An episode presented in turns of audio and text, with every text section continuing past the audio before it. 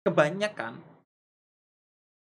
bagian orang itu ketika mengajarkan Islam dengan ego.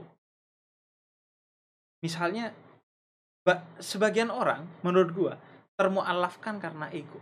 Five, four, three, two, one, close the door.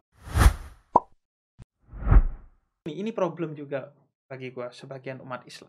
Islam itu hadir sebagai solusi, bukan hanya menghukumi. Ada orang datang kepada Nabi Muhammad. Nabi gue gak bisa puasa di bulan Ramadan. Itu kata Nabi ganti di bulan lain. Gak bisa, gue punya penyakit tertentu yang menyebabkan gue gak bisa puasa di bulan lain juga. Dia udah bayar kafaroh. Lo ngasih makan orang miskin. Gimana gue mau ngasih makan orang miskin? Punya juga duit. miskin. Ah, Oke. Ya udah kata Nabi ambil kurma gua, nih lo bagikan ke orang miskin. Nabi gua miskin, ngapain gua bagiin ini ke orang lain? Mending gue buat makan. Kata Nabi makan dan puasa lo selesai. Terhitung sudah dibayar. Hukum Nabi jelaskan, ada hukumnya. Orang nggak puasa harus mengganti, nggak bisa ganti bayar fidyah, bayar kafarah. Tapi kalau memang nggak bisa dikasih solusi sama Nabi. Sebagian umat Islam sekarang bisanya hanya menghukumi. Oh musik haram.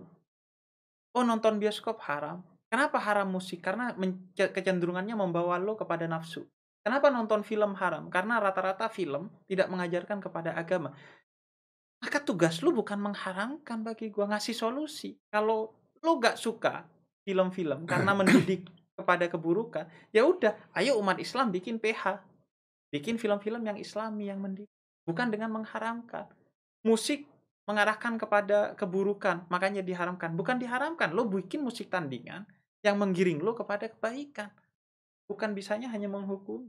Dunia gak selesai dengan kita menghukum. Sesama. selesai-selesai itu ribut terus adanya. Iya. Makanya bagi gua orang bilang, "Oh, lu kafir dalam Islam." Terus apa?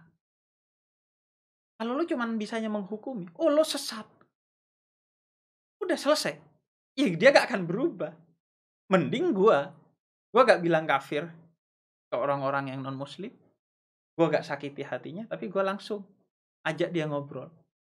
Dan gua ngobrol dengan bahasa mereka sebagaimana dikehendaki Quran. Jadi gua tanya, lu apa sih yang menarik dari agama lu? Oh di Kristen itu kata salah satu teman saya, pendeta Yeri. Itu aspek kasih. Itu sangat memukau dia. Gue ceritain, ternyata di Islam juga. Cinta. Cinta itu sangat utama. Saking cintanya, saking Tuhan itu, gue sebutnya maha cinta. Sampai lo gak kira menemukan orang kelaparan karena dia ateis. Nggak ada. Orang yang ateis menentang Tuhan pun Tuhan tetap kasih makan. Sedangkan kita sering nggak ngasih makan orang beda agama atas nama Tuhan. Akhirnya menurut gue kacau balau. Nah, kalau ngomong begitu bro, kita tahu kan fenomena-fenomena ketika puasa sudah mulai dulu ya sebelum Hmm. covid ya bro ya. Terus warung-warung ditutup, Hmm. ada yang digerebek, ada yang harus bukanya cuma setengah, ditutup-tutupin pakai korden Hmm. dan sebagainya. Hmm. Harusnya nggak dong. Harusnya kita justru eh, berpikir bagaimana memfasilitasi orang yang nggak berpuasa untuk makan. Gua berpikir kalau gua punya hak atas satu masjid dan gua punya dana, setiap bulan puasa gua akan buka pintu masjid itu untuk memberi makan orang yang nggak berpuasa. It- itu penghormatan kita. Dengan begitu justru orang akan Iya, iya, iya. merasakan kesempurnaan dan cinta kasih indahnya hal tersebut ya. Apa itu silaturahmi itu itu namanya mendekatkan diri yang se- yang seutuhnya Dan gitu kan Kalau lu pikir dengan menutup warung, itu artinya lu mem- menutup akses kepada non muslim untuk makan karena mereka gak puasa. nggak benar Emangnya juga yang gak puasa cuma non muslim. iya banyak yang muslim juga lagi tidak puasa juga ada kan Dan karena kondisi menurut gua mayoritas orang yang gak puasa di Indonesia adalah muslim. karena kenapa? Karena yang non muslim cuma berapa persen sih? iya, betul. Sedangkan yang muslim yang hamil, yang sakit, yang anak kecil itu puluhan persen butuh makan dan itu butuh makan. warungnya ditutup warungnya ditutup dan ketika lo datang dicurigai gitu bagi gua siapa pun gak usah dicurigai kalau dia makan kelihatan nggak sakit oh mungkin di perjalanan Ini menarik bro, karena gini sebenarnya kita bicara puasa nih bro, bicara Hmm. puasa kan eh, bahkan sebelum gua mualaf juga eh, gua tuh base uh, hidup gua adalah puasa. Iya. Karena kan gue punya diet uh, puasa kan, Hmm. OCD itu puasa kan, intermittent fasting gitu. Which is gue mostly sehari cuma makan sekali. Cuma makan tuh sekali, malam makan sekali gitu. Atau kalau nggak siang sekali udah 24 jam nggak ketemu makanan gitu. Oke. Eh, bahkan sampai detik ini. Hmm. Jadi sampai detik ini kalau gua lagi eh, gua lagi puasa ini eh gua makan nanti misalnya buka nih, misalnya cuma minum air doang, terus Hmm. makannya nanti malam jam 9. Terus kalau misalnya sahur saya juga nggak makan karena udah terbiasa gitu. Hmm. Udah terbiasa cuma minum air doang lah, intinya Hmm. seperti itu.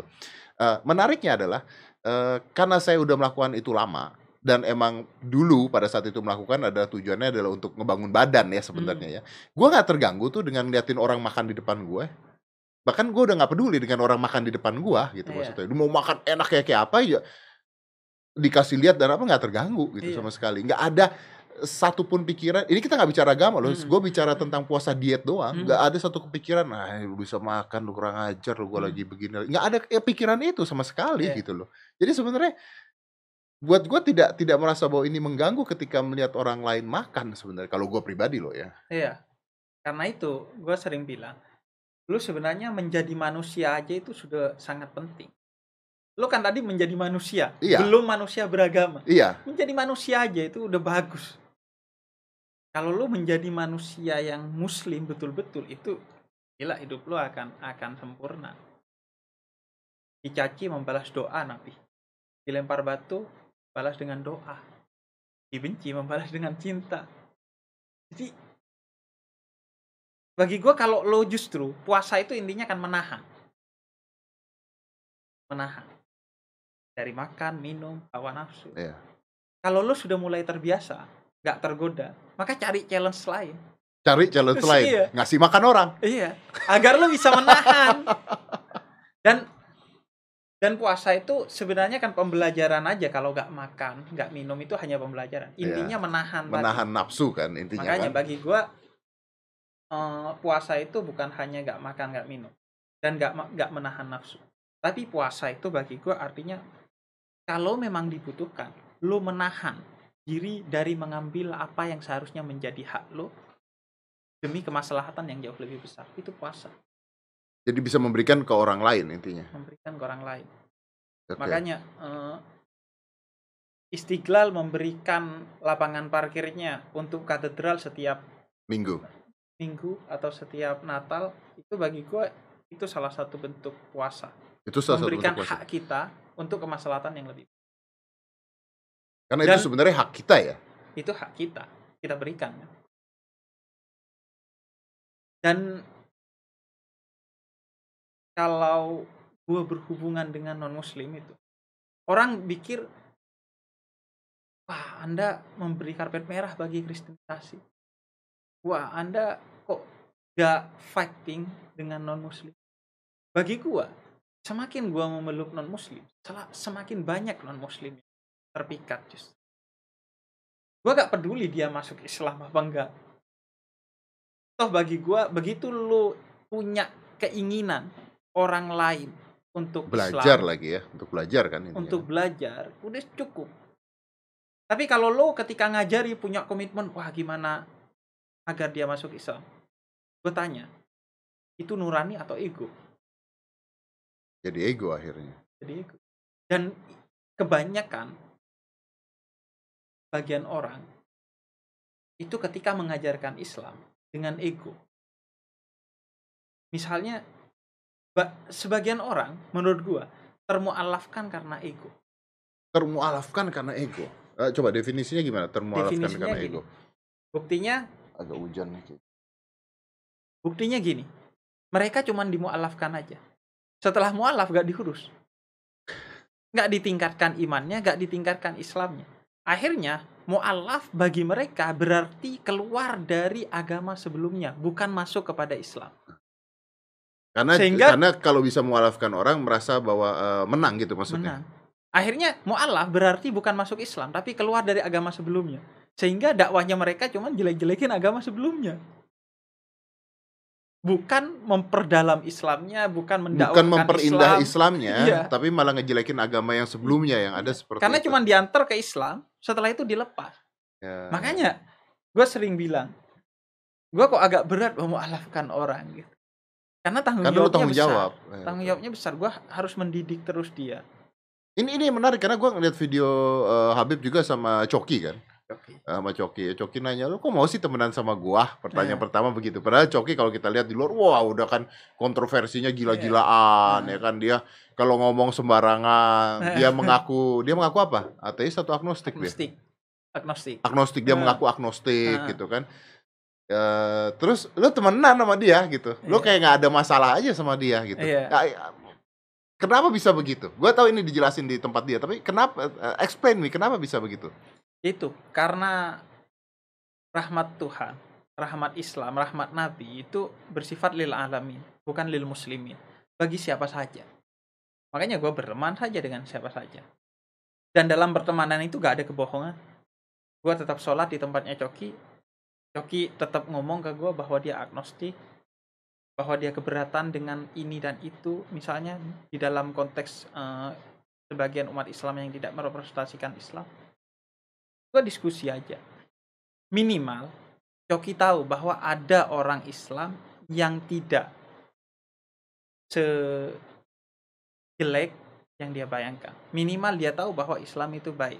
Dengan gue berusaha tampil sebaik mungkin Dan minimal harusnya ia gak salah paham dan Islam. harusnya kalau mau merubah orang pun dengan seperti itu kan ya. sebenarnya dengan seperti itu. Karena gini Coki gak baca Quran Coki Coki gak baca sejarah Nabi maka Coki akan belajar Islam dari akhlak gua dari tingkah laku gua. Kalau gua baik di mata dia Islam akan baik. Tapi kalau gua buruk tingkahnya Islam akan buruk. Meskipun di Quran Islam itu baik di hadis Islam itu baik tapi kan Coki gak baca itu Dia melihat kan intinya. dia melihat dia gak gak bisa membaca Quran dia gak gak membaca hadis bahkan mungkin kalau dia membaca dicurigai apa maksudnya Apa maksudnya? Iya benar. Jadi salah jadi, lagi gitu. jadi serba salah Tapi ketika Habib ngomong begini, apakah artinya memang eh, Islam sekarang ini keba- eh, ada di mata beberapa orang ini menjadi buruk? iya Iya. Bukan ada banyak orang yang menganggap Islam buruk. Dan bagi gua bukan salah mata mereka tapi salah tingkah kita. Karena ada memang sebagian umat Islam yang tingkahnya tidak merepresentasikan Islam. Dan kalau lu tidak mengakui itu sampai kapan pun masalah ini tidak akan selesai. Apalagi kalau lu melindungi itu berarti lu gak cinta Islam dan gak cinta mereka. Seorang ibu yang cinta anaknya dia akan memberikan obat kepada anaknya ketika sakit betapapun obat itu pahit. Makanya bagi gue, gue gak punya urusan sama pencitraan Islam, pencitraan Habib. Wah Habib, Habib kok gak berjubah, Habib kok gak bersorban. Gue gak hidup dengan citra-citra itu. Tapi banyak gak yang nanya? Banyak, Banyak yang komplain? banyak yang komplain dan eh, ada cerita menarik. Ada satu majelis beberapa tahun lalu yang membatalkan rencana mengundang saya dalam jangka waktu yang lama. Jadi setiap minggu saya ngisi di masjid itu dibatalkan hanya karena saya Berpakaian? kurang islami pak kurang mempresentasikan. Dan itu gitu. gak sekali dua kali, Dan lu nggak sering. mau merubah itu? gak mau merubah. Karena gue ngerti segmen gue bukan itu. Gue gak mau mengisi di masjid memang utamanya. Gue misalnya utamanya bukan itu segmen gue. Gue ngerti segmen gue bukan itu. Itu udah banyak yang ngegarap itu. Tapi kan tapi kan dengan gelar Habib nih kan dengan gelar Habib ini kan eh tanggung jawab yang besar sebenarnya yang akan dilihat oleh orang-orang, yang akan dinilai oleh orang-orang, akan diprotes oleh orang. Iya kan? Iya, karena gue menyadari gue punya privilege itu. Tadi gue bilang, itu hak gue untuk dapat privilege itu misalnya. Semua orang menggunakannya dan biasanya digunakan untuk eh, ceramah di masjid dan lain sebagainya. Gue juga menggunakannya, yaitu untuk eh, melindungi teman-teman gue yang merasa eh, terancam oleh sebagian orang karena agamanya karena pendapatnya yang dianggap nyeleneh dan lain sebagainya. Karena bagi gue menghukumi itu gak menyelesaikan masalah, gak menyelesaikan masalah.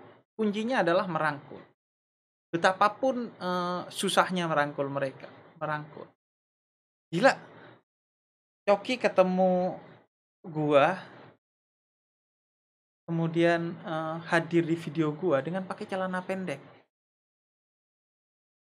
Followers gua eh, yang ngerti Habib, yang ngerti Islam negor kan. Ya. Tapi gua gak negor itu, gua biasa aja.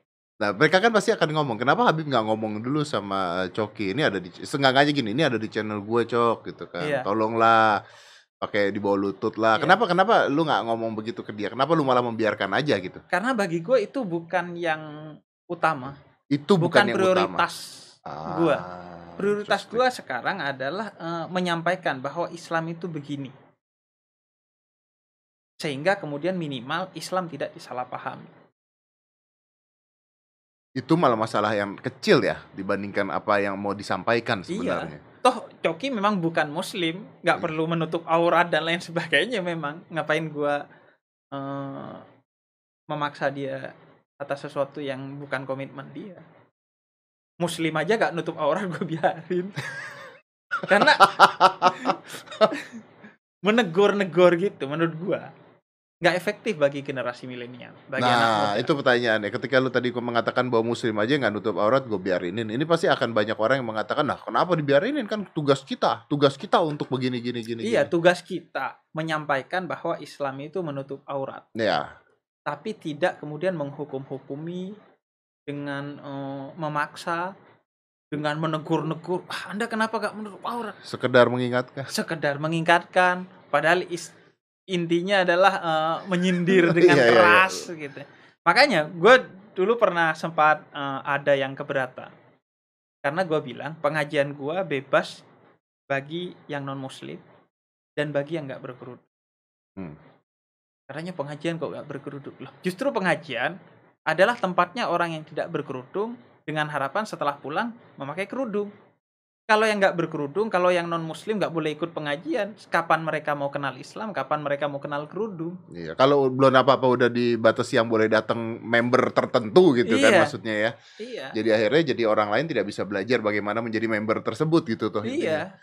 Makanya eh, bagi gua kepercayaan diri dalam berislam itu penting sekali ditingkatkan sekarang agar lu gak gak merasa orang mengucapkan selamat Natal itu ancaman bagi diri lu, iman lu. Nah, itu kan jadi masalah besar kemarin-kemarin kan makanya. ngucapin selamat Natal itu. Nah, Hmm. kalau menurut Habib sendiri boleh apa tidak? Bagi saya boleh saja. Oh, tidak mengimani gitu. Toh tidak mengimani. Itu hanya bagian dari upaya eh, berhubungan baik dengan non muslim. Gila gereja di rumah gua itu mengucapkan selamat Idul Fitri setiap Idul Fitri pakai banner gede. Kalau gua tidak membalas kebaikan itu dengan kebaikan serupa yang toh tidak ada masalah di dalam agama gua, tidak mengurangi iman gua, tidak mengancam iman gua dan ada banyak ulama yang memfatwakan boleh. Kalau gua gak membalas itu dengan ucapan serupa, di mana akhlak gua di mata mereka. Makanya gue balas, tapi nggak mesti menggembar-gemborkan gitu. Ada orang yang dia gak punya teman non muslim tapi sok mengucapkan selamat Natal. Menurut gua orang-orang yang seperti ini yang nambah masalah. Jadi orang-orang yang suka kontroversinya doang gitu. Iya, iya, iya, iya. Kayak ada orang yang nego. Udah tahu Coki berkelakuan buruk. Coki kan sering tuh di Twitter Ah. nge-tweet kemudian Bermasalah. kontroversi bermasalah. Orang banyak. Habib kenapa gak negor? Bukan gua gak negor, gua gak negor di depan mata lu. Iya. Di antara orang yang paling awal yang Coki telepon gua ketika dia ada masalah itu. Dan gua ngomong dari hati ke hati secara rasional dengan Coki karena Coki suka sekali logika gitu. Gua sampaikan secara logis dan itu lebih masuk. Justru kalau gua sampaikan di media sosial, gua negor Coki di media sosial. Pertama, gua gak bisa menahan, gua gak pencitraan. Berat sekali kalau gua gak merasa bangga. Kemudian yang kedua bisa bisa dan besar kemungkinan Coki akan tersinggung. Negor kok di depan orang. Sedangkan gue punya akses kok untuk negor secara Langsung. privat dan nggak terbatas sekian karakter di Twitter. Gue bisa langsung telepon panjang lebar dan menanyakan, tidak langsung negor, mengawali dengan tabayun. Tanya, kenapa lu nulis gitu? Bener nggak persepsi lo dan persepsi gue? Kalau bener berarti salah, oke. Menurut gue gini, lo mau nerima nggak? Nerima lagi-lagi itu urusan hidayah, gak ada urusan sama gue. Yang menghukum ya bukan bukan gua. Kalau dalam konteksnya dunia yang menghukum pemerintah, kalau dalam konteksnya akhirat yang menghukum Tuhan bukan kita. Kita nggak punya hak untuk menghukumi. Five, four, three, two, one, close the door.